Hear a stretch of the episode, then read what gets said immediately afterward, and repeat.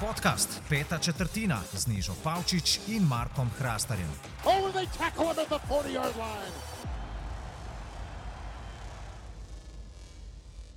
En prav lep dobrodanček vsem skupaj, takle koronski uh, poslušalcem in poslušalkam podcasta Peta četrtina. Tole je naša 17. epizoda. Tako je, Marko, jaz sem se zadnjič zmotila, ampak je 17, že 17 jih je, zdaj bo že hmal skoraj leto od rojstva pete četrtine. Ja, še na mnogo let, eh, do leta 2060, ki gremo vsi v, v honor, honorable pokoj. Tako kot dok uh, Emrika, ne, se to si lahko samo želimo, ampak za tiste, ki moč, mogoče ne vejo, kdo je dok Emrik, to je bil komentator medijske hiše NBC, ki je v bistvu prvo ime komentiranja hokeja no, na svetu, se meni zdi. Je po 47 letih včeraj objavil, da gre v pokoj, malo neumestna, ampak ok. Neža ima florada Čakaj, hokej. Mene, mene, ja, mene zanima, koliko, koliko epizod moram jaz še narediti, da pridem potem v peta četrtina Hall of Fame. Ne, pa da prideš v začetni jingle, to je zelo pomembno. Ja, ja, ja, ja, ja vidiš, to, to še To, rok, še ne pet, šest podkastov, pa, bo, pa bomo Timotu rekli, da nas name nov jingle zate. Prav. Važi. Rok je danes z nama, z Markotom spet iz Horice, Ja, ker medva z Nežo sva pa v isti kabini na sportklubu in uh, odgovorno nosiva maske, tako da, da se ne boste ustrašili, da, uh, da bo prišlo do kakšne okužbe sredi pandemije. Uh, teme, koliko jih je, 20 tem. mislim, okej. da smo jih danes našteli 15. Ja, ker smo se pogovarjali o tem, o čem bi razglavljali, smo rekli, da 15 tem smo našteli. Rok je ene pet, jaz ene pet, neža ene pet, ampak začeti moramo nujno uh, z dejanskim, de facto uh, dvobojem vikenda. Ne? Uh, Brady Rogers. Začel se je z uh, deset nič. z Zanimivim proslavljanjem Aarona Rodgersa, ker še sam nisem čisto točen vedel, to nam bo rok povedal, kaj je bilo proslavljanje. Pol se je pa po tistem Pik Sixu začel pa vse sesuvati. Ne? In tukaj je spet prišlo do izraza, kako pomemben je momentum switch v Ligi NFL, mogoče še bolj kot v kakšnem drugem športu. Neža. Mene je mal presenetila ta tekma, sploh iz vidika Green Bay Packersov, ker sem mislila, da bojo bolj konkurenčni, oziroma mislila sem, da bo po ti, vsaj po tistih 10-0, pa po Pixixu, da se bodo mal bolj pobrali, kot so se, ampak v bistvu od sred druge četrtine. Od proslavljanja touchdowna Aarona Rodgersa je bil to samo enosmeren promet. Me pa ne preseneča, da po tistih kritikah, tam po tistih mimih, uh, fourth down, kaj vse so se v bistvu na Twitterju spomnili iz tistega, ki Tom Brady tako le kaže štirko. Uh, me ne preseneča, da je tako tekmo imel Tom Brady v svoji. Pač, da je, da V je imel svojem repertoarju. Ne? Tako, hvala, Marko, hrasta. To sem pa jaz komentator. Ne. Ja, Ne, dopolnjuješ moje misli. Ja, se tudi roka ob petih zjutraj dopolnjuje. Ampak kaj sem jaz hotel povedati? Oj, oj. Takrat, ko sem, jaz sem, veš, sem jaz vedel, da bo Brady zmagal. Mislim, da sem točno vedel, da bojo Bakanirsi zmagali. Takrat, ko sem videl tisti zapis na Twitterju od Jamala Williamsa, ki je rekel, ja, za razliko od Bakanirsov, pa moj quarterback ve, da je fourth down, ne? oziroma koliko downov imamo. Takrat sem rekel, fantje, vi ste ga tako najebali. Vi ste ga tako najebali zdaj. Mislim, uh, rok, uh, kako si ti videl tekmo?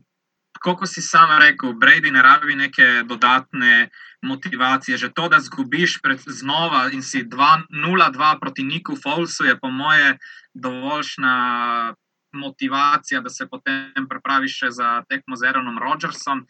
Uh, je pa res, da po tistem proslavljanju, ki nažalost ni obveljalo, tisto je bilo sicer iz enega sketcha, uh, Key and Peel, ki ima sta tudi ene par na ameriški nogomet, pač ful zabavna, ful zabavna stvar. Če, uh, če si gre kdo pogledat, je pa res, da mislim, ne, ne vem, sploh ne vem točno, kaj bi rekel, da je bil največji problem v tej tekmi za Pekarse, ampak nasploh, um, mogoče celo sekundari, mene je razočaral Jair Alexander, se mi zdi, oziroma eden od njihovih kornerjev, kar so tisto gledala. Je pa res, da tudi kapo dol Todu Bowlesu, kako je on napadel uh, Rodgersa z različnimi da ni bil skozi v nekem base defensu, je, raz, je pošiljal različne blitz uh, package. In Aaron Rodgers se je zdel na trenutke prav zgubljen. Pač ene par, par zaporednih akcij, ki je bilo, se mi zdi, da je bil enkrat je bil Lavonte David, enkrat je bil Rakim Nunez Roches, uh, spet je bil potem Jason Pierre-Paul. Meni se je zdelo, da je Rodgers konstantno pod pritiskom in na koncu dva zaporedna drive sta se končala z interceptioni, takrat po tistem vodstvu deset nič. Enega je naredil Jamel Dean in drugega da je naredil Edwards. Ja. Ampak ja. tako nasploh smi zdi, da so Packersi prvič naleteli na nek zid, ker se je zdelo mogoče, da ga letos, mislim, da bi letos lahko šli skozi vsak zid, zdaj je pa po moje boljši. No, ampak boljše, da so zdaj doživeli nek reality check, kot da bi to se jim zgodilo, recimo v playoffu. Ker verjamem, da če, mislim, če se tako poklopi, sta se te ekipi zmožni dobiti uh, naj tudi v končnici. No. Ja, mislim, da je bil eh, Aaron Rodgers 11krat pod pritiskom na tej tekmi, kar se mu ni zgodilo, verjetno niti skupno v prvih uh, petih krogih. Dobro, no, tolih ne, ampak definitivno je bil pod daleč največjim pritiskom. Uh, pa, ki si omenil sekundari, da te je razočaral pri Pekarskih, sem hotel samo še to dodati, da se je kar precej poznala odsotnost Kevina Kinga. Ne? On je bil tisti ključen faktor v obrambi, ki je tokrat manjkal.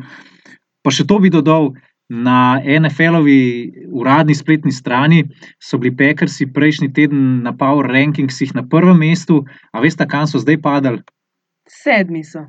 Ja, mislim, da so sedmi ali celo osmi, no. padali so face. No, pač, um, In zdaj se bo spet uh, pač moral Rogers dokazati, da pride malo bolj proti vrhu.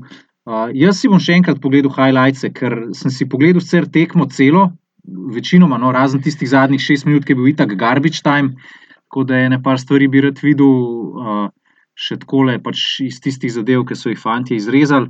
Uh, druga tekma po kakovosti, bi pa rekel, da ni bila med Browns in Steelers ampak eh, Houston Texans proti Tennessee Titans. Ta tekma je bila pa tako dosti infarktna, no? tako da bi bila že skoraj tekma za končnico.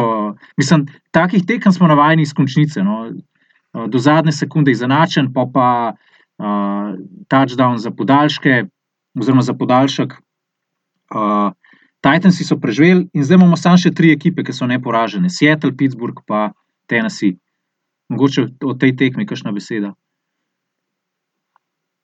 A zdaj si za nalašč, da se čim prej, da se čim prej, mislim, oziroma da se izognemo Pittsburghu. Pa... Ne bomo, ne bomo, ne bomo se izognili, ne, ni, ni to, to, ne bomo se izognili tej tekmi, uh, ampak gremo lepo po vrsti, kot so hiše v Trsti. Ne. Najprej najbolj pomembna tekma na papirju, potem pa najbolj exciting tekma, potem se bomo pa še na druge, ampak nobeni se pa ne bomo izognili. No.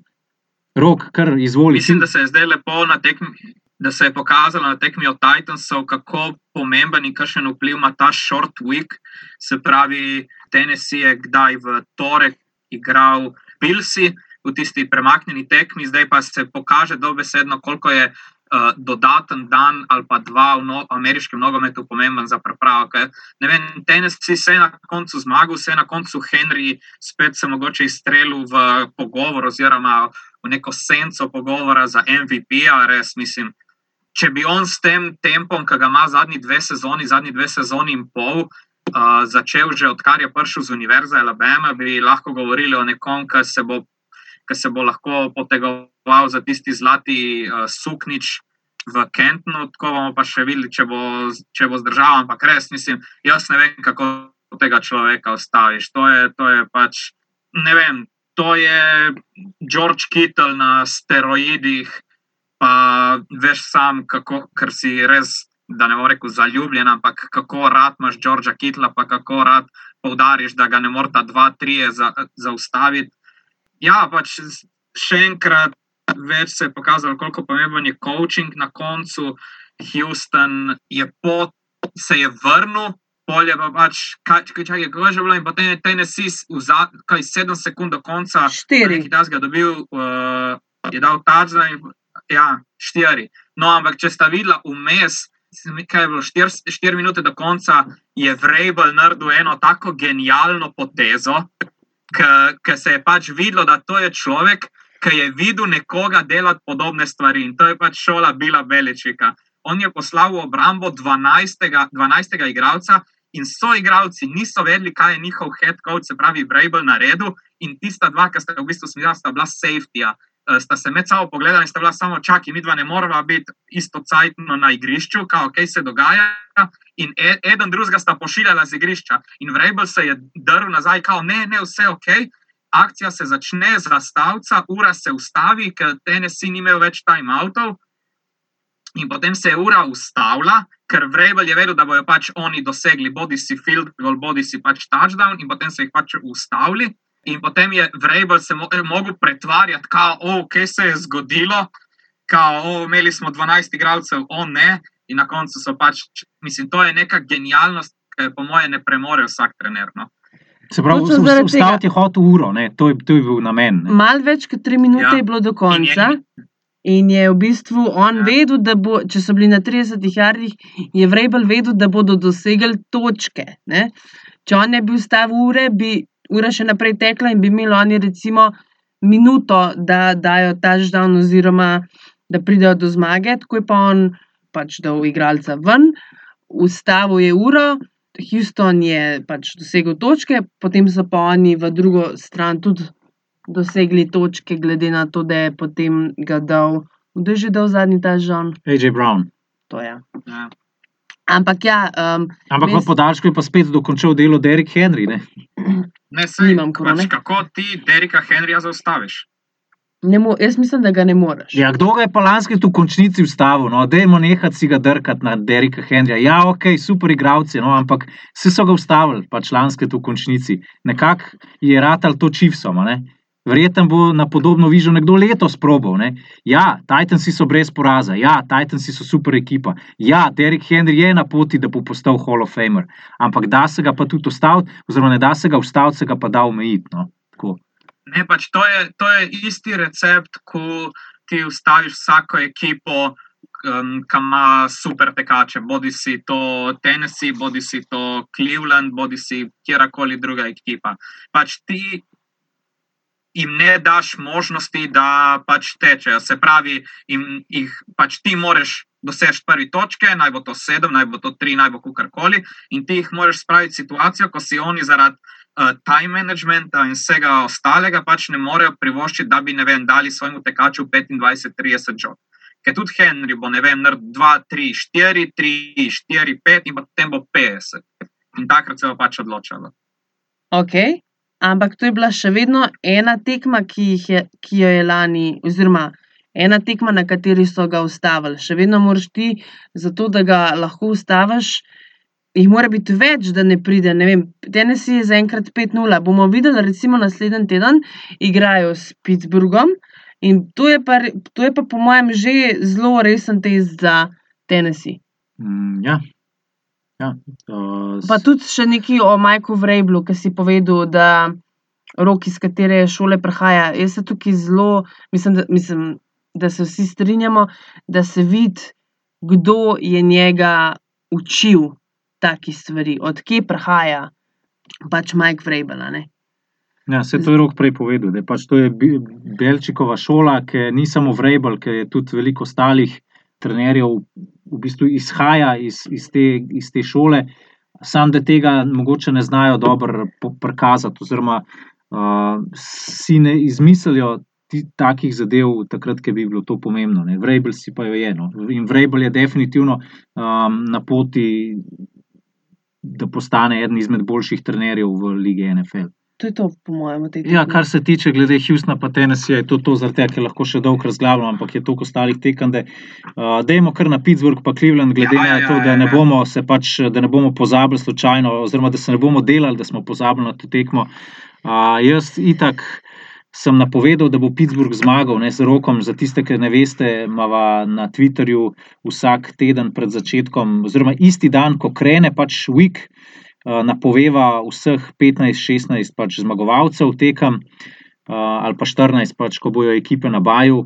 In jaz sem napovedal, da bo Pittsburgh zmagal. Vse sem se te tekme zelo veselil, ker sem bil radoveden, kaj lahko pokažemo, eh, oziroma kaj lahko Cleveland Browns pokažejo. Je pa pač tukaj zdaj bil reality check, ne, temu se reče prizemljenje. Pokazalo se je, da je napadalna linija brez Whitea, Tellerja, ni lih tako močna, ta igralec se je v bistvu še najbolj poznal, pa spet se je pokazalo, da sekundari ni lih najboljši, pokazalo se je pa tudi po drugi strani, da Baker Mayfield, ko je pod pritiskom, ki ima kakšni dve sekundi dobri, zato da se odloči, kam bo žogo vrgel, preveč sil z glavo skozi. To se je tudi pol pokazalo, ker je na igrišče prišel Kej Skinom, ki je v takih situacijah raj žogo bacal na tla. Uh, Baker Mayfield pa pač nima tako dobrega pregleda, ker ni tako visok, in se potem dogajajo intercepšni. Tako da pač zaslužena zmaga za Pittsburgh in uh, Cleveland, bom pa tako rekel, ne, mi smo ena zelo zanimiva navijaška baza. Tako pač jaz sledim mačkam več teh akantov na Twitterju kot vedva. In moram reči, da pri navijačih Clevelanda sta samo dve opcije, ne? dve skrajnosti. Ali gremo letos, je pa naša sezona, letos gremo pa do Super Bowla, ali pa uh, shut entire franchise down, uh, we're all gonna die.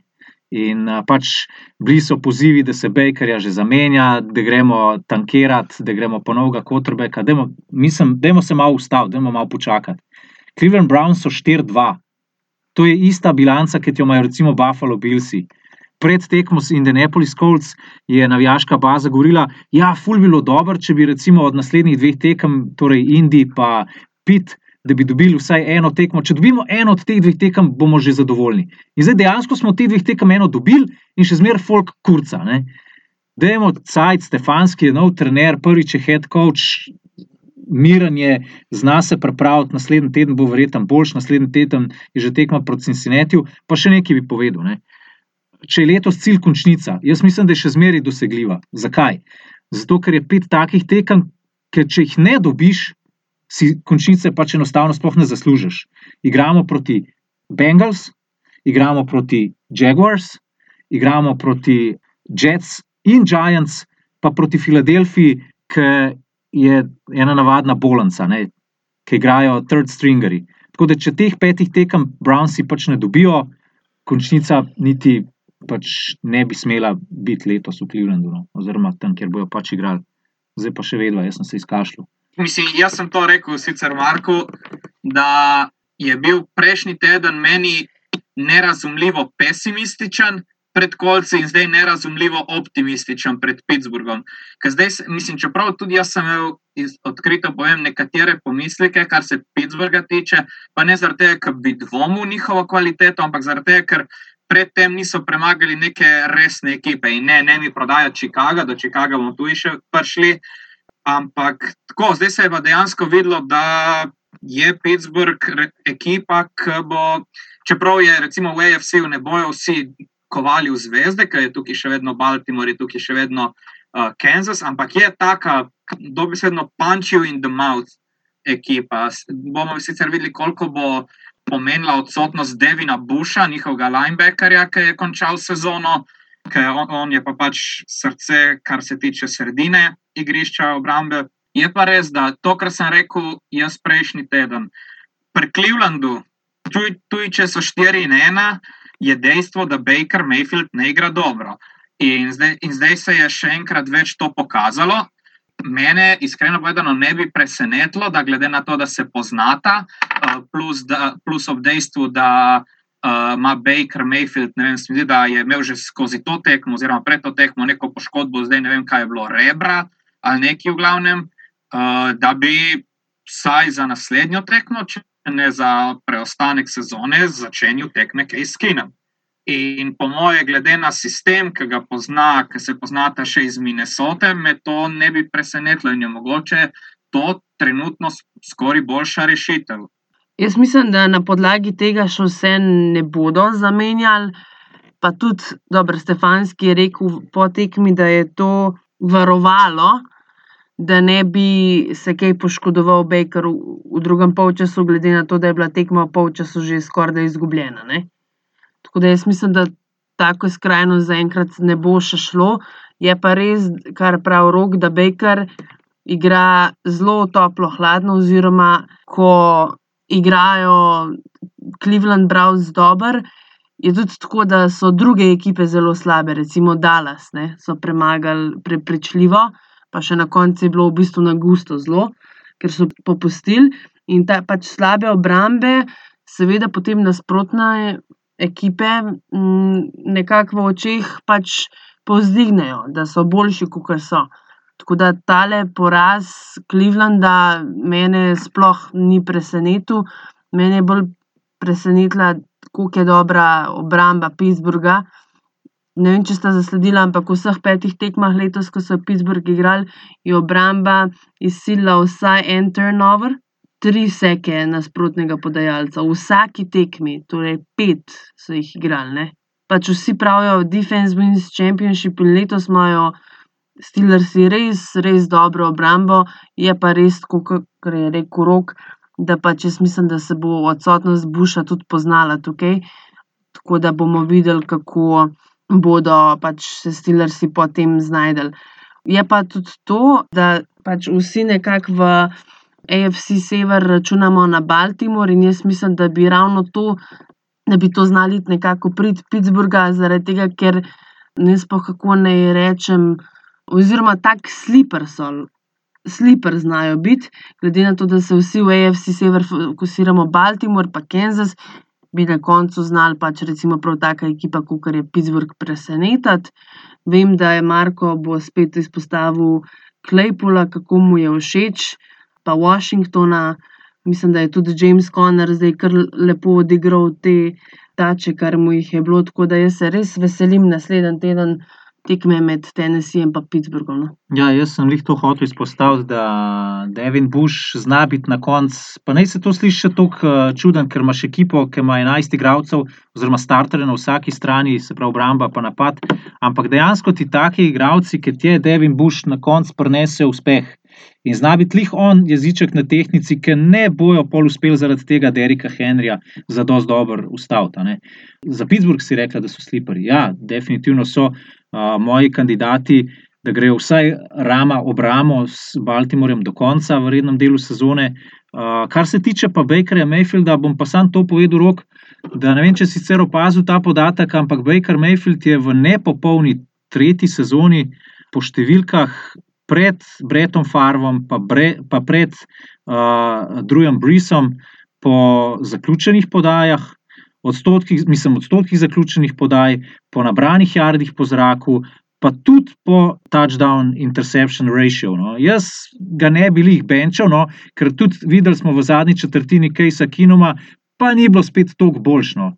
Se je videl, da je napadalna linija kriva za to, kar se dogaja, da pač nimaš kaj več kot dve sekunde, nimaš cajt niti prden kamoli da boš ti zdaj pa nek preobrat zrežiral. Jaz pa mislim, se pa strinjam s Stefanskim, da je prav, da je Bakerja povlekel na klop, zaradi tega, ker je imel načeta rebra. In Baker je tak, da hoče včasih kakšne stvari na silo, tudi igrati hoče na silo, kljub temu, da je vedel, da je banged up. Imel je rebra ne počena, ampak načeta, in bi bilo bolj, če bi ga dal mal počivati že prej, mogoče da bi celo kaj s kinom začel tekmo. Mayfield je pa pač tak, ja, ne, jaz lahko, jaz lahko. Ja, pa ne moreš čist najbolj. No. Nečeš. Nečeš, nečeš, sine. To je to, kar se tiče Brownsov. Naslednji teden gostovanje pri uh, Joe Burrowu in že kar rematch, ker so se leto že pomerili uh, in so pač v prime timeu Browns zmagali. Zdaj bo kar težka. Uh, Burrow, Ampak že prva tekma je bila gusta, Ja, ne, ja. bilo 35-30. ja, ja, ja. Uh, s tem, da Joe Burrow, ne vem, če sem prav videl ta podatek, je celo prvi ruki v zgodovini lige NFL, ki je tri zaporedne tekme na cepu po zraku več kot 300 jardov. Sej Joe Burrow ne igra slabo. Ne, pa dobro orožje ima v Tiju Higginsu, Mikson, ne vem, se je poškodoval sicer, Mikson je zdaj predčasno zapustil tekmo. Ja. pa tudi AJ Green, pa je, da svira kurcu, nekaj, sem videl ene par posnetkov, je zelo nezainteresiran od določene raute teku, pa ni se odkrivul jih najbolj, ne vem, a hoče trade ali ne vem, vedva povejta. Jaz mislim, da ja. So zaokrožili neki posnetki po Twitterju, ki naj bi enemu izmed trenerjev na sidelineu prav tako eh, se je upočasnilo, pa so mu brali uh, ustance, ki je prav tako kao rekel: Trade me. Mislim, da je bil tudi ali prejšnji teden ali dva tedna nazaj nek posnetek, ne vem, s kom je Cincinnati igral, ki je prav se videl, kako nezainteresiran je AJ Green, ko je v bistvu tekel nek raut na robe, Joe Burrow je podal žogo, interception je bil in on je gladko, lagano zraven tekel, trimčkov je, niti ni teklov nasprotnega, mislim, da je bil cornerback, niti nič. Pač to je že jasno, mislim, da je bilo vsem pred sezono, da AJ Green noče biti več v Cincinnatiju. In tudi vidno je na teh posnetkih. Me pa bolj zanima, kaj točno so delali Cincinnati Bengals, zdaj ta zadnji vikend, glede na to, da so že vodili z 21-0, na koncu pa izgubili, koliko je bilo 27. No, in proti Indianapolisu Ja, so no. za nek field goal izgubili. Ampak to so pošteno so skadili v drugem polčasu. Ja, Indianapolis je kaj prišel do četrte zmage in so tudi zdaj oni 4-2. ne. Ja, no, 31-27 je bilo na koncu. Ja, evo, field goal. Uh, še to sem hotel omeniti, da, se, da ne bomo slučajno mimo te tekme šli, ne bosta mi ušla. Uh, navajeni smo, da ponovadi ekipe v 14., 15., 16. ali pa 17. tednu očitno tankirajo in grejo po kakšen pač visok oziroma višji draft pik. Nismo pa navajeni, da ekipe, tako kot je recimo Washington, tankira že v šestem tednu. Ne?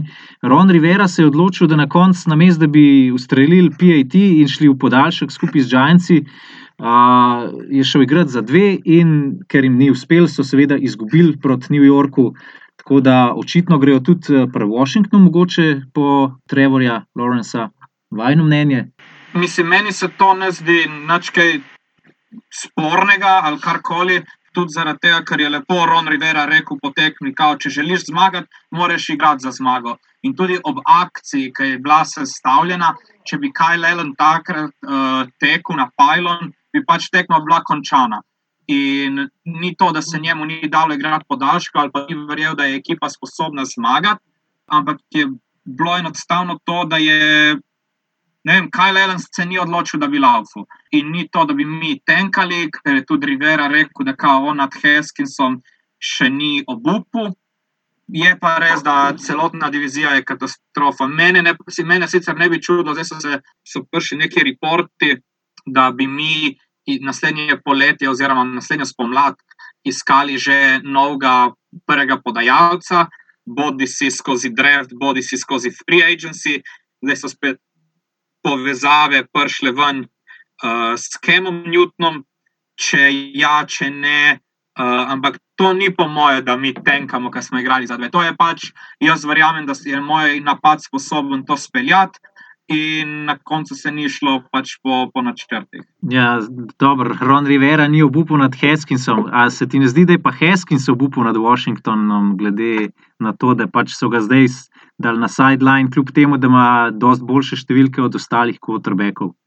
Pa ne, mislim, pač sigurno je, meni on deluje tudi tako malo preveč, uh, da je odreagiral ful tako zamerljivo. On je tu med tednom spustil dva ali tri treninge, ki je bil kao, da ga neki trebuh boli. ima koga zabavate neko s to trebušno gripo?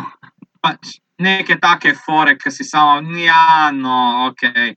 Ajde, recimo, da ti, da ti moram verjeti, da ti verjamem, če ne pa pač. Um, Ne, mi deluje ful tak še vedno otrok, ki so mu vzeli neko igrako in zdaj bo on uh, tepel vse ostale otroke v vrtu, samo zaradi tega, ker pač so mu vzeli njegovo najljubšo igračko. Da ni Lamar tvojega tamavga udaril zato, ker mu je vzel tam malo najljubšo igračko. Ker smo spet pri Lamarju iz vrca. Ne, drugače, uh, serious talk. Uh, šel sem na roke oziroma peš računati, kakšen skor bi lahko eventualno imela ekipa v diviziji NFC East, pa bi še zmeraj prišla v končnico. In prišel sem do spoznanja, da se lahko uđe v končnico tudi z bilanco 4, 11, 1. In tako bilanco bi lahko imela Filadelfija, uh, pri čemer bi dala sem v bilanco 4-12, uh, New York Giants pa Washington football team bi imela pa bilanco 3-13. To sicer je zelo malo verjetno, no, tukaj se nisem šel zabavati z remi, se pravi, da bi si med sabo ekipe razdeljevale po uh, pač remi, ampak uh, mislim, da dost več kot šest zmag, pa realno tukaj zmagovalec divizije ne bo imel. No. In recimo Phil Yates je danes zjutraj na vse zgodbi me prebudil eh, in me nasmejal s tem, da Seattle, eh, Seahawks imajo pet zmag.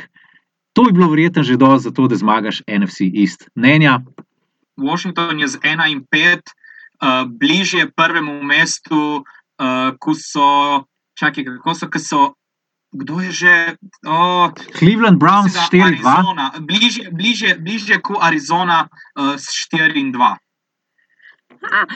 Jaz sem za eno foro, da naredimo in sicer, da si zdaj le, kot smo daj, 30. septembra rekli, zapisali v koledar, da je Marko Hrasta rekel, da je Chicago kontender, da si zdaj le 20. oktobra naredimo recimo razpredelnico, naš bold prediction, koliko zmag bo dovolj za zmago v NFC East. Ja, ni problema, jaz pravim, šest zmag bo dovolj za, za napredovanje iz te divizije. Šest zmag bo imela Filadelfija, se pravi, oni bojo na koncu 6-11-1. Bo Filadelfija dejansko postavila rekord in šla v končnico. 16, 1, Ne, mislim, ne, ne, šest- 6-8-1. 6-8-1. 6-9-1, ja, 6-9-1, ja. Evo, 6-9-1. Jaz pravim, da dobi to divizijo Dallas 60.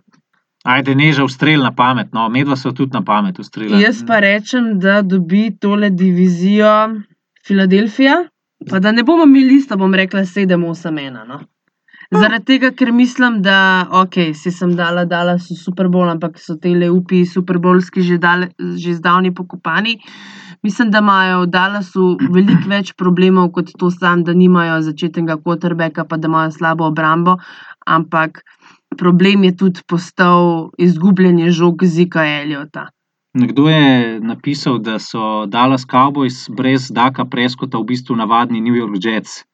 Zdaj, eh, da, Dalton, v katerega sem pa jaz polagal nekaj upov, da bo mogoče pripeljal Dallas v končnico, se je izkazal še za večje sranje, ne, po domač povedan.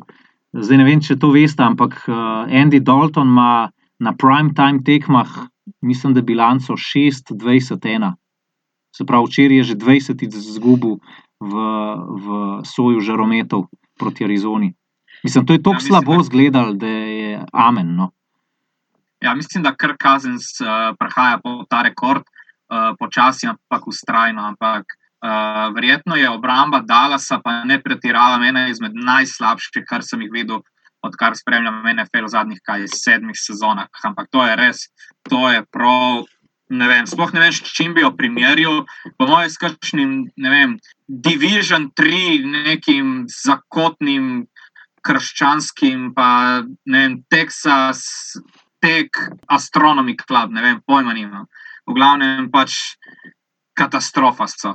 Tisti, ki je polagal, upajo, bodi si v fantasy, nasploh navijači Dallasa, v to ekipo. Sicer zdaj se je vrnil Leighton Wanderers, meni zelo simpatičen igralec, ampak to je pa, to je pa, ne vem. Res katastrofa je njihova obramba. In, in isto da, danes proti Arizoni po noči, se res ne vem, kaj so delali. Jaz sem gledala pol malo tekmo v posnetku, pa je Lisa Salters smela vmes, takoj po Famblu, jezika Eliota v prvi četrtini, ga je, je rekla, da ga je vprašala med tednom, kaj točno, mislim, kako vpliva to dejstvo na njega psihološko, da zgubi on tog žog. a ne. In je rekel, da se to njemu ne zdi problem, da ga ve, da ga zna popraviti in da to sploh ne bo noben problem, ker do konca sezone ne bo izgubil niti ene žoge. In vidi, vidi, že v prvem polčasu je izgubil dve. Meni so bili najboljši, mislim, jaz se jim, mi se jim lahko režimo, zato ker nismo fani kavbojsov, ampak tisti posnetki, kako pač folk tam obupano sedi na tribuni. In joka, joka, en od, odrasli moški je jokal, punca ga je pa to lažila. Ja, unga, a je unga, ki je kazal ne tri minute pred koncem. Ja, pa se pa folk še sprda, kao, ne, don't worry, sej naslednjici boš dal pa kapco od Lakersov ali pa Jenki bojo hmal začeli sezono. pač katastrofa je, da te, da te nekdo namam, da odpre stadion in daš tistih 600 dolarjev za tekmo, daš 100 za fanshop, daš 50 za hrano in pol gledaš take, tako katastrofo, ki se sam še stopnjuje, pa čez ne vem, kaj bojo, kaj bojo si naredili. Ne vem, a bojo dal še kaj časa Majku McCarthyju, ali ga bodo. Sem pazi, pazi to. Mi zdaj govorimo o, tako, da gre o franšizi, ki gre v totalen, ne vem, rebuild ali kaj takega. Dallas Cowboys so prvi v svoji diviziji. Oni so še zmeraj prvi. Oni, če bi se zdaj končala sezona, bi šli v končnico. To so za noč, pa še zmeri imajo realne šanse, ne samo realne, so pač frontrunnerji za končnico v tej res katastrofalni diviziji, kjer pa bi rok lahko marsikaj povedal o zdravniškem listu Filadelfija Eaglesov. Ne? Pač po svoje upam, da, da mi zaprejo možnost, da pridem v Ljubljano, ker tisto, kar bo pa mi dva gleda, komentirala v četrtek, To je pa, po mojem, isto živa žalost. Filadelfija uno sliko, ki sem ti jo poslal um, včeraj zvečer, kako izgleda trenutno napad Filadelfije. Razen prvega podajalca, ki je tudi res se samo čaka, je vprašanje ne če, ampak kdaj se bo poškodoval. Uh, igra kaj četrti desni tekel, uh, tretji desni gard, Jason Kelsey je edini, ki je zdrav na tisti napadalni liniji, lovijo vem, kuhari, ki so dobili odpoved v tako belu. Ne vem, pač tisti, ki ima čas, je lahko wide receiver za Filadelfijo, pa ne pretiravam. Roka, greš za kornerje igrati, mogoče pa tebe tudi ja. pokliče. Da mi ne boš v Filadelfijo pač šel. Tisto je res bolnica, bolnica Franja. Ampak ne glede na to, kako zelo so zdesetkani, jaz mislim, da so proti Baltimorju kar do, do zadnje minute so jih držali v. Za jajca. Točno to. Mislim, da bo Baltimor mogel malo bolj začeti svojo igro razporediti na lovilce. No. Imajo dobro obrambo, ampak kar se pa tiče igre po zraku, pa razen Marka Andrewsa, zelo malo wide receiverjev dobi žoge in jaz mislim, da se bo to, če bodo želeli um, v bistvu izpolniti tisto, kar lani niso, se bo moral Lamar Jackson tudi malo obrniti po svojih wide receiverjih. So kar neki draftali v zadnjem času, je, oziroma v zadnjih dveh letih, kar uliva upanja na to, da bi se lahko to naredili, ampak bo mogel res najti še koga drugega, raz, razen Andrewsa. Ja, pa še en silver lining za Filadelfijo je to, da igrajo pač proti eni izmed najslabših ekip, proti Giantsom, ki so zdaj svojemu trenerju omogočili prvo zmago v njegovi mladi karieri. Daleč od tega, da bi bilo tudi pri Giantsih vse idealno. Tako da ne vem, nisem pogledal vse stavnice, ampak mislim, da je Fila celo favorit v četrtek. Ja, itek da je. Ja, no, lej. Čakaj, da pogooglam. Za minus šter. Boš kladil na filo. Pa po mojem, da bom nekaj denarja vplačal čeprav to ni najbolj higienično, glede na to, da tekmo delava, ne? ampak vse stavimo za tak denar, da ga ni škoda. Beer money. Um, zdaj, v bistvu, samo še New York Jets ostajajo brez, brez zmage. Mislim, da smo se v Jetsih v prejšnjih epizodah že tako izpel. Jaz sem sam vsak teden bolj presenečen, da Jetsov ne uvrstimo v uno kategorijo ekipe brez trenerja, da je Adam Gay še kar tam. Ampak, ok, mislim, da bo tudi njegov čas prišel, da bomo o tem lahko še veliko povedali. Samo še to naj dodam v tem, v tem sklopu, da Rich Simini je v bistvu NFL Nation novinar za New York Jets in sta skupaj z Manišo Mehto zadnjič napisala na Twitter, oziroma pač vsak zase, da sta v svoji novinarski karieri odkar pokriva ta New York Jets, videla že res ogromno, ogromno slabih stvari, oziroma slabih ekip, ampak da tole, kar pa gledate letos, je pa najslabša ekipa, kar ste jo kadarkoli ne samo pokrivali, ampak tudi gledala v NFL-u. Ja, jaz bi se s tem kar strinjal, zaradi tega, ker. Uh, pa da ne bomo spet se ponavljali, da se ne bom jaz ponavljal. Uh, meni dejstvo, da je Adam Gates še vedno trener, pove zgolj to, koliko neambiciozni so lastniki uh, in koliko resno vidijo neke možnosti. Pa ne govorimo o tej sezoni ali pa ne vem, naslednji sezoni. Da, ne vem, da v naslednjih parih sezonah ne vidijo neke svetle točke, čeprav bojo verjetno naslednje leto vzeli Trevorja Lorenza. Ampak meni ga je škoda zaradi tega, ker take simpatične uh, igralce, ki imajo shit ton of potential da grejo v tako sredino, kjer bojo že predtem obsojeni na propad, zaradi tega, ker bodo prišli v nefunkcionalno uh, sredino. Pač enostavno mi je škoda, da se Jetsi imajo potem še enega first rounderja od uh, Seattla, ki so ga dobili, ampak ne vem.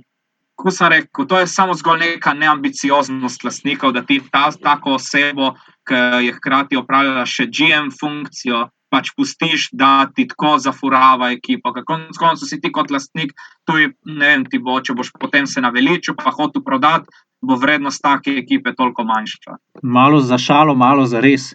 mogoče bojo šli pa 0-16, pa bojo pol pri uh, lastniški strukturi nagradili Edema Gejsa, ki je dejansko dosegel prvo mesto na draftu in bo dobil še pogodbo dodatno. Mislim, da Ja, to, pač prav, česti- čestitke, ki si nam pripeljal Trevorja Lawrensa. ne. To, to, to, e. mislim pa, da vsem tako samo destruktivna ekipa ni nobena v Ligi NFL. No. Če smo pa že pri AFC ista, ne, se pa lahko dotaknemo standingsov v NFC, v AFC East. Pardon. Buffalo prvi, Miami drugi, New England tretji, zadnji pa Ne? Neža, da ti malo povejo o Patriotih. Kaj je bilo to? Mislim, vsi smo pričakovali, da bojo uh, z lahkoto Patrioci zmagali, posi pa Broncosi v bistvu pribrcajo zmago. Ne primečejo, ne pritečejo, ampak pribrcajo zmago. Kaj je bilo Ja. to? Mislim, da se je videlo to, da peci niso trenirali skupaj, kar je tudi Bill Beliček po koncu povedal. In Cam Newton je uletel direktno iz IR-a zaradi korone, je uletel direktno na tiste igrišče. Malo me skrbi to, kakšne lovilce si on zbira, da jim bo metal. No. Prva tarča na Ankila Harryja je bil interception, zelo um, malo žog leti na Juliana Edelmana. To, um, recimo, bi bilo treba malo raztegniti igro, no? ne samo po tleh, ampak to dobro vemo, da je pač Kem veliko stvari tudi že v Carolini reševal s tekom, tako kot jih tukaj. Pa mogoče pač pecov zaradi tega, ker je Tom Brady včasih za njih igral v taki podobi, nismo vajeni. Je pa Kem, mislim, da leto samo za dva touchdowna po zraku podal. Ne? Tako da to se mi zdi, mislim, da je tudi v zadnji četrtini na tistem predzadnjem driveu iskal brda. Pač to ne razumem, zakaj ne gre raj takrat k kakšnemu lovilcu, ki je pač dokazano ujame žogo, takrat, ko je bilo treba. Je pa res, da je front four od Denverja so res super, ne sploh Bradley Chubb, skozi je bil pritisk na Kema. Konstantno. A nisi rekla, da je napadalna linija pri New Englandu bila Točno to. velika, išju? Točno to, dva centra sta bila down, gard se mi zdi tekel, tako da tudi tukaj se je poznal, da nimajo pač igralcev, s katerimi ponavadi igrajo, ampak tako kot je, se pravi, tako kot je rekel Beliček, rabijo čas, da se skupaj pripravijo, zdaj naslednji teden sicer prihaja San Francisco, kar je v bistvu za pece po eni strani plus, ker Jimmyja Garopola zelo dobro poznajo, ampak po drugi strani moš pa ti zaustaviti Dibjota Samuela, Brandona Ajuka in ne nazadnje še Georgea Kitlane. ki si jih rekla, za Diba Samuela, ne, da se navežemo na tekmo 49ers, Rams. eh, Novinari so po koncu tekme vprašali najboljšega igralca po izboru Roka Gregoriča, uh, Aerona Donalda, kako se je kaj pripravljal na Diba Samuela. Pa tako Donald reče: Na koga? Ja, na Diba Samuela od 49ersov.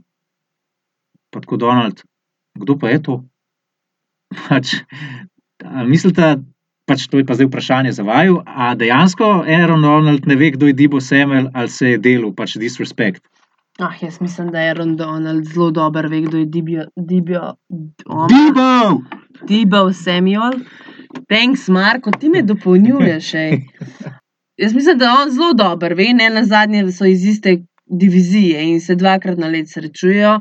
Tako da to je bil sam butthurt, sore, disrespect, tako mix, if you want. Rok, Ja, meni se isto zdi, da je bilo to zgolj v nekem afektu, v smislu, da ja, pač, kdo je to. Nima, mislim, ne želim govoriti o ekipi, ki pa nam stoji nasproti, ki nas je premagala. Je bolj tako, pač, je bolj bilo tako. Kao, ne, ne uno njegova ignoranca, ampak dobesedno pač ne, ne, že, ne bom jaz govoril o tem. Ja. Kaj smo še hoteli povedati? Nekaj sem še hotela dodati o pecih. jaz sem se hotel petati po shoulder, zaradi tega, ker sem napovedal pravilno, da bo San Francisco zmagal. ne. Uh, ta teden, mislim, da, da se klele mačkam pohvalim. Ne. Sem bil blizu še dvema presenečenjama, pa me je Ron Rivera zajebal, ne, ker sem Washington napovedal, da bo zmagal. Pa Houston je bil tik pred zmago in tudi jim ni ratal. Ne. Tako da, če bi ti dve zmagi upisala z rokom, oziroma bi jaz, ki sem napovedoval, bi bila 11-3, tako smo pa pač 9-5. Ampak še zmeraj smo pa več kot 70 odstotna pri teh napovedih. Tako da, follow us, afna, Ja, RG3 SLO, Hashtag kladionica. hashtag kladionica. Je. Gremo še malo na tekemce naslednji teden. Čakaj, Nismo a že smo, povedali. smo vse obdelali za ta teden. Danes imam pa cajt, pa ne, ali kaj.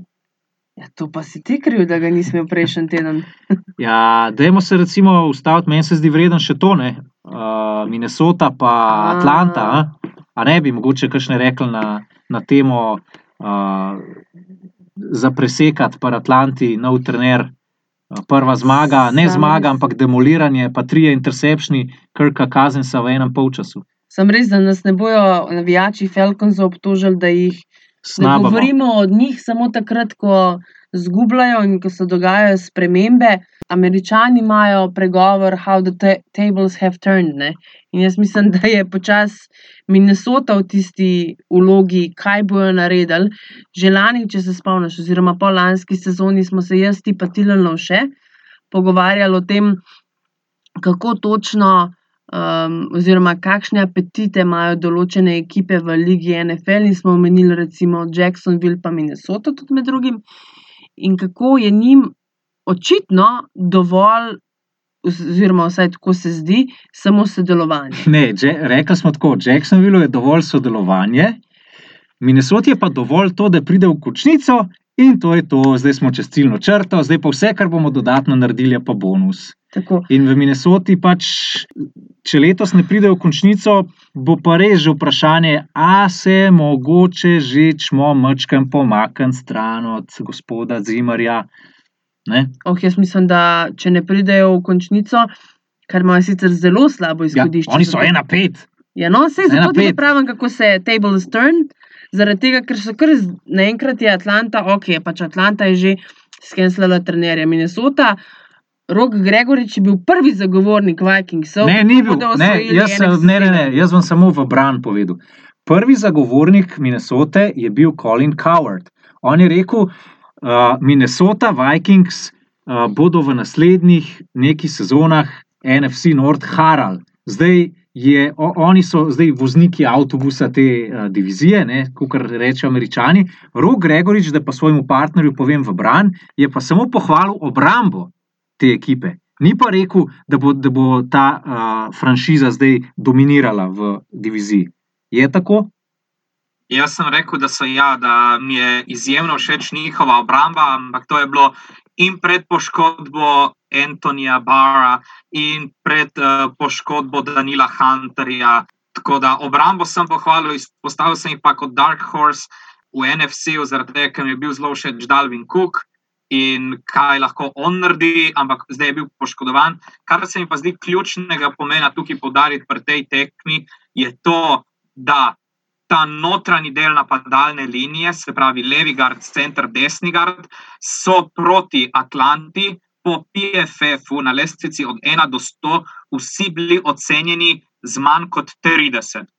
Pač to ne moreš zmagati, pa če si Patrick Mahomes, ko imaš tako. Uh, in tudi če je bil Delvin Cook, zdaj je bil pač Madison, ti si schemo postavil tako, da, da enostavno notranji del napadalne linije ti more odpirati luknje, ti more odpirati pač avtoceste oziroma karkoli, da pač ti nekaj narediš. In ko ti oni trije ključni igravci za tvojo schemo, katere, okoli katere se vrti napad, igrajo tako katastrofalno, pač ti ne moreš zmagati. Enostavno tako. In to je bila že skozi neka stvar, ki se je govorilo o kazenstvu bran, pač da nima napadalne linije, ki bi ga varovala. In to je bilo pač večkrat videti, zdaj je pa to izkušal še running back. Tako da, ja, kazen si je, kazen si je odigral slabo, ampak pač enostavno ni, nima pač nekih predpogojev, da bi sploh uspel. Tako da najlažje je pač QB-ja reči, da je vrgel si tri interception, igral si slabo, ampak pač treba se pa tudi malo pogledati v ogledalo in reči, pa smo mu dali dejansko realne šanse, da bi pač on nas lahko držal v igri. Ej, jaz imam en bold prediction, pa me zdaj zatočta ali pa me povzdigneta. Justin Jefferson je kaliber igralca, ki bo naslednjih deset let pri Minnesoti Vikings daleč pred vsemi wide receiverji, se pravi, on bo definitivno najpomembnejši wide receiver, že zdaj mislim, da je pred Tilnom, ampak se mi zdi, da v njem dobivamo igralca, ki bomo čez deset let govorili o njem, tako kot zdaj govorimo recimo o Juliju Jonesu, pa čez 20 let Larry Fitzgerald. Recimo. Je to možno ali ne? Mislim, težko je to govoriti zdaj, tako, ampak jaz bi. Mislim, ampak ima predispozicije. Sploh, no? sploh, sploh ne vem, zdaj po petih, šestih tekmah, ki pač dejansko kaj. Oni, razen Tilna, nimajo nič kaj resnega, tudi Tajdendi niso nič kaj resnega. Tako da pač je treba, po mojem, še počakati, zaradi tega, ker je to. Uh, za predispozicije lahko za vsakega rečeš, da je uspešen. Je pa res, da pač tle enostavno je ali Tilan ali Jefferson. In se mi zdi, da potem, ko bo dejansko, sploh wide receiveri, ki si ti neka, uh, neka noviteta v ligi, se ti ne more ni, ne defensive coordinatorji, ne cornerbacki, ne safety, neki pripravi pač na te. Jaz bi pač to lahko rekel po drugi sezoni, oziroma znotraj druge sezone, ko se že vidi, kako so se obrambe, obrambe adaptirale na njega. Je pa res, da pač tisti trade, ki se je zdelo, da je mogoče Buffalo dal preveč za Stefana Dixa, ki so dali first rounderja, se je izkazalo kot zadetek v polno za obe ekipi. Tako za Buffalo, kot za Minnesota, po mojem, so obojni zelo zadovoljni z izplenom, ki so ga dobili. En je z Justinom Jeffersonom, drugi pa s Stefanom Dixom. Ja, se v bistvu zdaj, ki si rekel, da boš po drugi sezoni, oziroma med drugo sezono, lahko naredil neko evaluacijo. Uh, imam pa tudi še eno vprašanje za vaju, pa bom dal tokrat neži prednost, uh, glede na to, da je dama. Mikol Hardman, lani eden glavnih, uh, eno glavnih orožij za Mahomesa, letos ga ni na mapi. Praktično ne vem, kako lahko pride do tega, zakaj ga ne uporabljajo tako, zakaj samo Kelsey, pa Hill lovita žoge, pa če je Watkins zdrav. Letos se ga fulno opazi. Ja. Opazila sem jaz, da je on v bistvu letos bolj igra v specialtimih. Verjetno so tudi pri Kansasu šli v drugačno taktiko, ker če vidiš, recimo, Kelsey, se vsaj meni zdi, da ful več žog dobi in nekako bi bil potem, ok, recimo, Hardman, tretji wide receiver. Um, Zaenkrat se jim je to pač izkazalo za kar dobitno, tudi včeraj so veliki igrali na Kelsija, ne vem, koliko je na koncu jardel. Ja, mislim, da je bil blizu stotke, pa dva touchdowna. No, mislim, da jih je imel nekaj čez 70. No. V glavnem, in dokler bo pač to šlo, bodo igrali na Kelsija. Ko pa ne bo šlo, ima pa Kansas City veliko, veliko orožij. Nismo pokomentirali, recimo, tudi najnovejšega, Leviona Bela, ja. ki se bo pridružil že naslednji teden. Tako da, dokler, bo, dokler bo to šlo, da igrajo na Kelsija kot primarno tarčo, bodo pač to delali, potem pa lahko si ti tudi s takim quarterbackom, kot je pač Patrick Mahomes, prvoščeš, da igraš tudi na druge fante. Okay, glede na to, da je Neža že odgovorila, glede Hardmana, Hardmana rok za te bolj to vprašanje, ali bo Levion Bell dobro sprejel vlogo drugega tekača, oziroma kako se bo on adaptiral na igro v Kansas Cityju. Po moje, glede na to, da prihaja v sredino, kjer ve, kaj se od njega zahteva, kar se od njega zahteva, in je v bistvu, bom rekel, si drzne trditi, boljša kopija Klajda, Edwards Zailera bi jaz rekel, da je to še ena izjemno, izjemno kakovostna igračka za sistem in pomo, uh, Andyja Rida in Erika Bienemija. In je po moje tukaj res, re, pač resen problem, ne zgolj kako bodo uporabljali Leviona Bela, ampak kako se bodo obrambe lotile, ko bosta vem, v backfieldu hkrati Levion Bell in Clyde Edwards Iler, in potem bo z ene strani Kelsey, z druge Hill, in potem bo ne vem, mogoče še vmes Sammy Watkins ali pa Demarcus Robinson z nekje lafu. Pač ta, če ne drugega, če ne drugega, tudi če se ta stvar ne obnese na igrišču, bo to moja najljubša moja ekipa za igrati uh, na mednu. To je pa pač, um, to je kot da bi igral ti nek manager mode, oziroma pač, da bi začel franšizo in bi salary cap izklopil.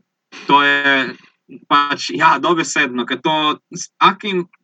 To je dobesedno s takim bogatstvom, ki se ki lahko zdaj razpolagajo v Kansas City, kar se napada tiče, je, ne vem, kdaj smo na zadnje videli toliko kvalitetnih um, posameznikov v enem napadu. To sploh ni več fair, ne? v bistvu je neregularna ne, pač sezona. Dobesedno ni več fair. Neregularna sezona, damo Asterix. O, Asterisk. Zanj si rekel Asterix, sem ti hotel pol kontrirati Obelix. Dej, um, vse smo že praktično obdelali, ampak česa pa nismo, ne?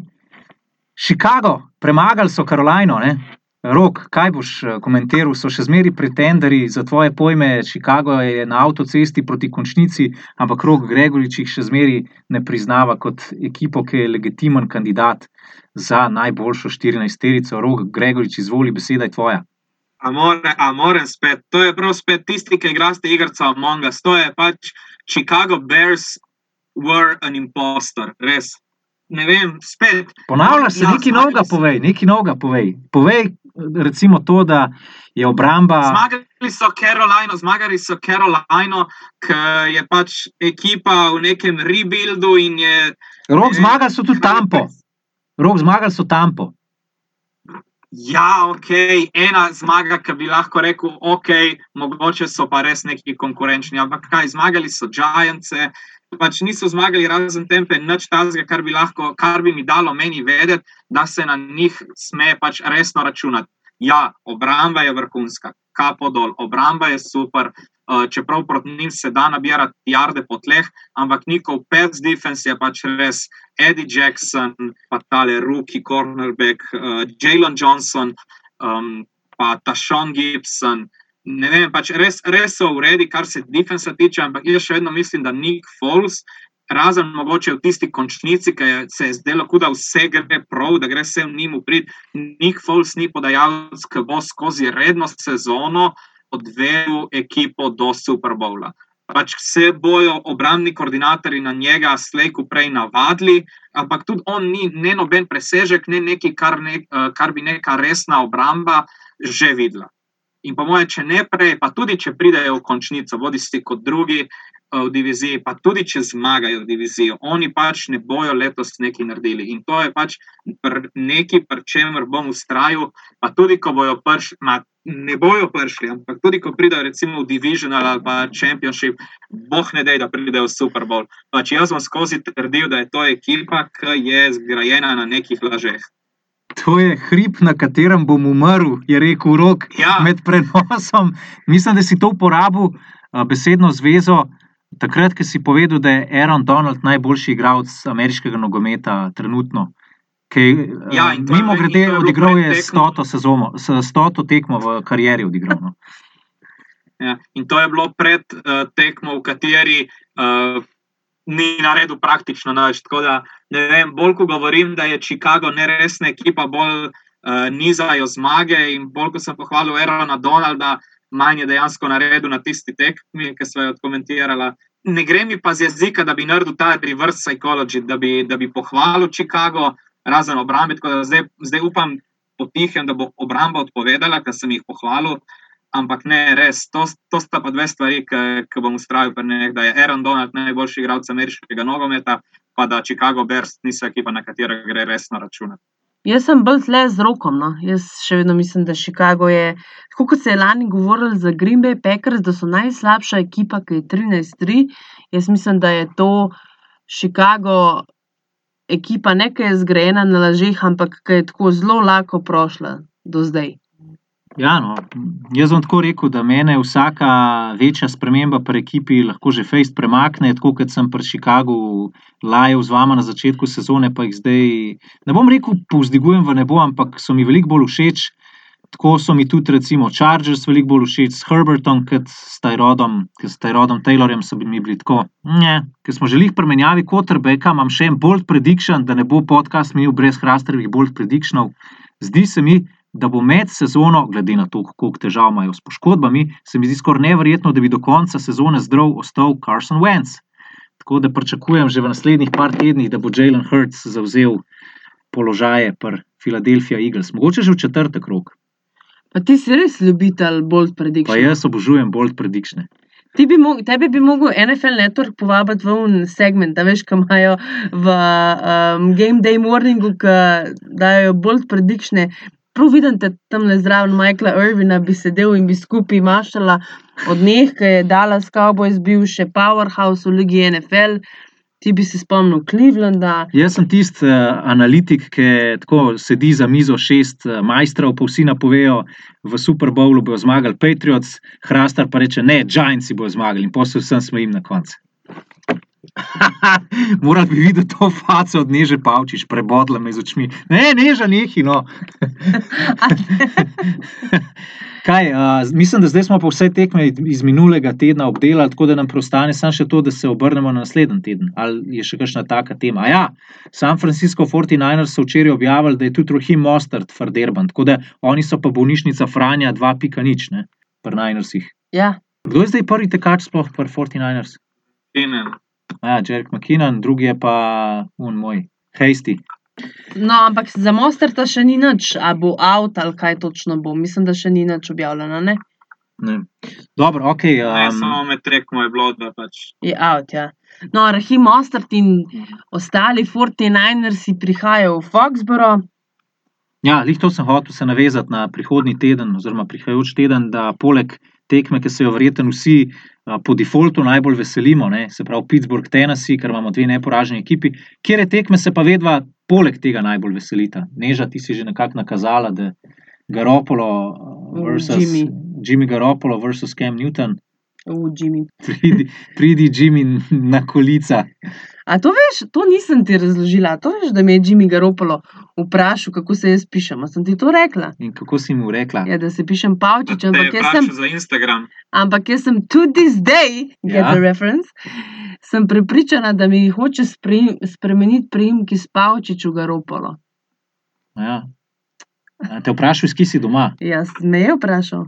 In je vedel, kje In je si to. rekla Slovenija, Ja, in on je vedel, kje je to. vedel je. Ja, če je italijan. Okay. Babi pa dedi prav, da sta iz bližine Benedikt doma, če se jaz prav spomnim. Ne vem, takrat, ko me je vprašal, kako se pišem, sem bila zelo v šoku, tako da se ne spomnim. A je rekel, nice, baby. Ni mi rekel, baby. Ej, a je to res, da se po njihovi družini imenuje posebna sorta paradižnika Garopolo? Kecam se. Ne, um, Rok, kaj pa ti, pa tvoja tekma tedna?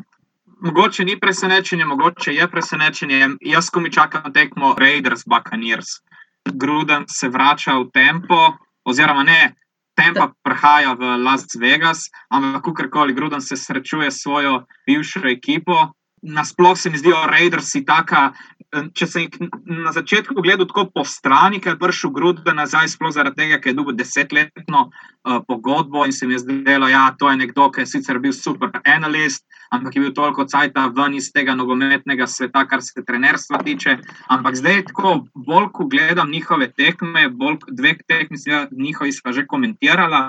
Um, vem, so mi pa rasli k srcu s to mentaliteto, da pač on ima ene specifične igralce, ki jih izbira na, na borih, se pravi, pač tisti, ki bodo naredili 110 odstotkov in bodo mo- eh, na nekaterih akcijah še malo tako umazani.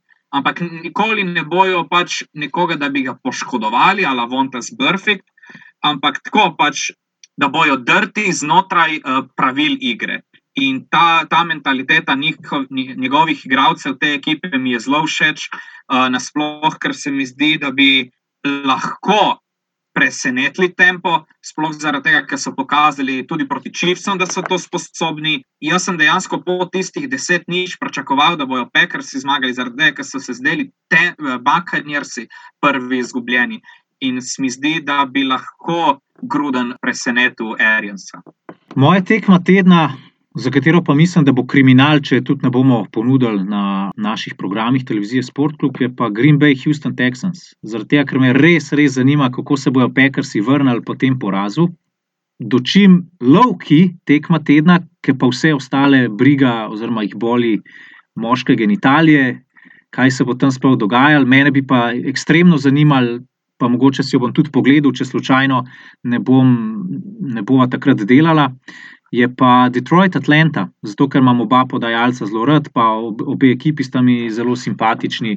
Uh, jaz niti enih, niti drugih še ne bi odpisal za končnico. Tudi Matt Ryan je rekel po tej zmagi, da gledajo že na naslednjo tekmo in da se je že zelo veseli. Meni se zdi, da je kar en tak drugačen veterček zapihal no, v Atlanti. Še zmeraj je to ekipa, ki ima Hulja Jonesa, še zmeraj je to ekipa, ki ima enega boljših, mislim, da ne bomo strelili mimo top 10 podajalca v ligi. Tudi v obrambi niso spet tako tanki. No. Verjetno bom kar vključil stream, pa si jo pogledal, če pač ne bomo prenašali. Verjetno je ne bomo prenašali, glede na to, da sta obe ekipi z uh, negativnim skorom. no. Tako. Alo, sam neki. tekme tedna gor dol. Kaj pa recimo Arizona, pa Seattle? Ja, ok, tudi to je dobra tekma, ampak pač. Pač jaz mislim, da bo to ful dobra tekma. Um, ok, ja, Arizona je igrala včeraj proti obrambi Dallas, ampak še zmeraj mislim, glede na to, da poznamo zelo dobro Seattle vsi, da bo to top tekma. Ja, pa bo pač eh, ce, cela tekma bo izenačena, na koncu bo pa, mislim, celo tekmo bo verjetno Arizona vodila, pa bo pa v zadnjem drivu Russell Wilson spet ščaril z DK Metcalfom zmago in to je to. Ja, ampak bo exciting za gledati. Najbrž res. Rok? Ja, jaz sem že povedal eh, za to, za tempo, pa za Las Vegas. Meni je zdaj, ki si omenil, kako všeč ti je Matt Ryan. Jaz bi ga, to smo se pogovarjali, mislim, da celo med prenosom, da so bili neki rumorsi. Jaz bi ga drugače res rad videl v San Franciscu, če se, če se pa Atlanti odločijo, da ga tradajo, oziroma pač, da ni del uh, njihove prihodnosti, kot uh, je nekako nakazal njihov uh, lastnik. Ja, bomo videli, kaj bo zdaj. Ne vem. No. Pač San Francisco se zdaj fulomenja, da bi znal dobiti noga Koterbeka. Rok Gregorič je tudi um, zagovornik tega, da Jimmyja na dolgi rok ne vidi v San Franciscu. Jaz sem sam tako še enkrat rekla, če Jimmy nikjer drugje ne dobi doma, komu odprijo malo v Ljubljano. Svoja vrata mu jaz na stežaj odprem tudi. Poslušalci in poslušalke podcasta Peta četrtina Neža Pavčič je samska. Tako da, Te povej za Jimmyja. ja, pa, pa, še, pa še to, ne, po- pozabila si se pohvaliti, da si sodelovala v intervjuju na strani NFL Srbija. Ne. To se pa nič ne pohvališ, kaj te moramo drugi.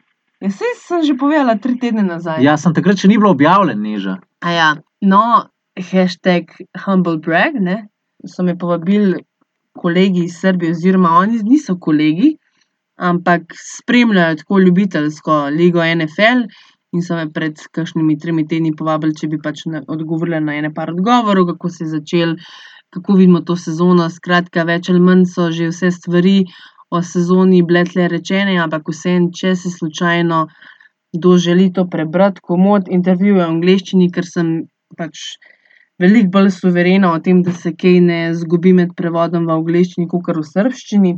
Je pa na NFL Srbija na Facebooku, mislim, da je webpage, malo dol poskrolite intervju 8, vidite tam slikco, pa lahko preberete. A smo vse pokrili?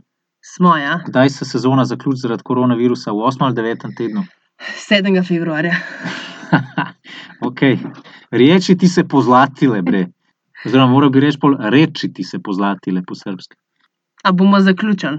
Dajmo, dosti je bilo. Ok, dosti je bilo. Se slišimo naslednji teden. Rok. Rok, rok, še zaključna misel iz Gorice. Tako kot je rekel Kacin, je po moje zdaj lahko se da aplicirati za Washington. Um, nikoli ni tako slabo, da ne bi moglo biti še slabše. Aha, Okay. Jaz sem pa mislil, da boš rekel, uživajte, dokler še lahko. Rok je Izpao kožvačka. Ne morem uživati, ni- nisem užival že celo sezono. da. Ok, bomo o tej točki z uh, govorcem vlade zaključili, ker mislim, da je to čas, da zaključimo. Tako da se slišimo verjetno spet naslednji teden. Rok bo do nadaljnega na Zoomu, ker ima, to smo že rekli, da ima prepoved pridati iz Gorice. Razen s posebnim dovoljenjem, oziroma dovolilnica je že pripravljena rok, če boš slučajno hotel priti komentirati. če, če bom slučajno hotel vrniti. Ja, če, če se ti ne bo zagadilo. Upam, da se vam ne bo zagadil ta teden, ker mislim, da bo z izjemo od četrtkove tekme kar fajn. Se slišimo spet prihodnji teden. Arrivederci. Čau. Ajde!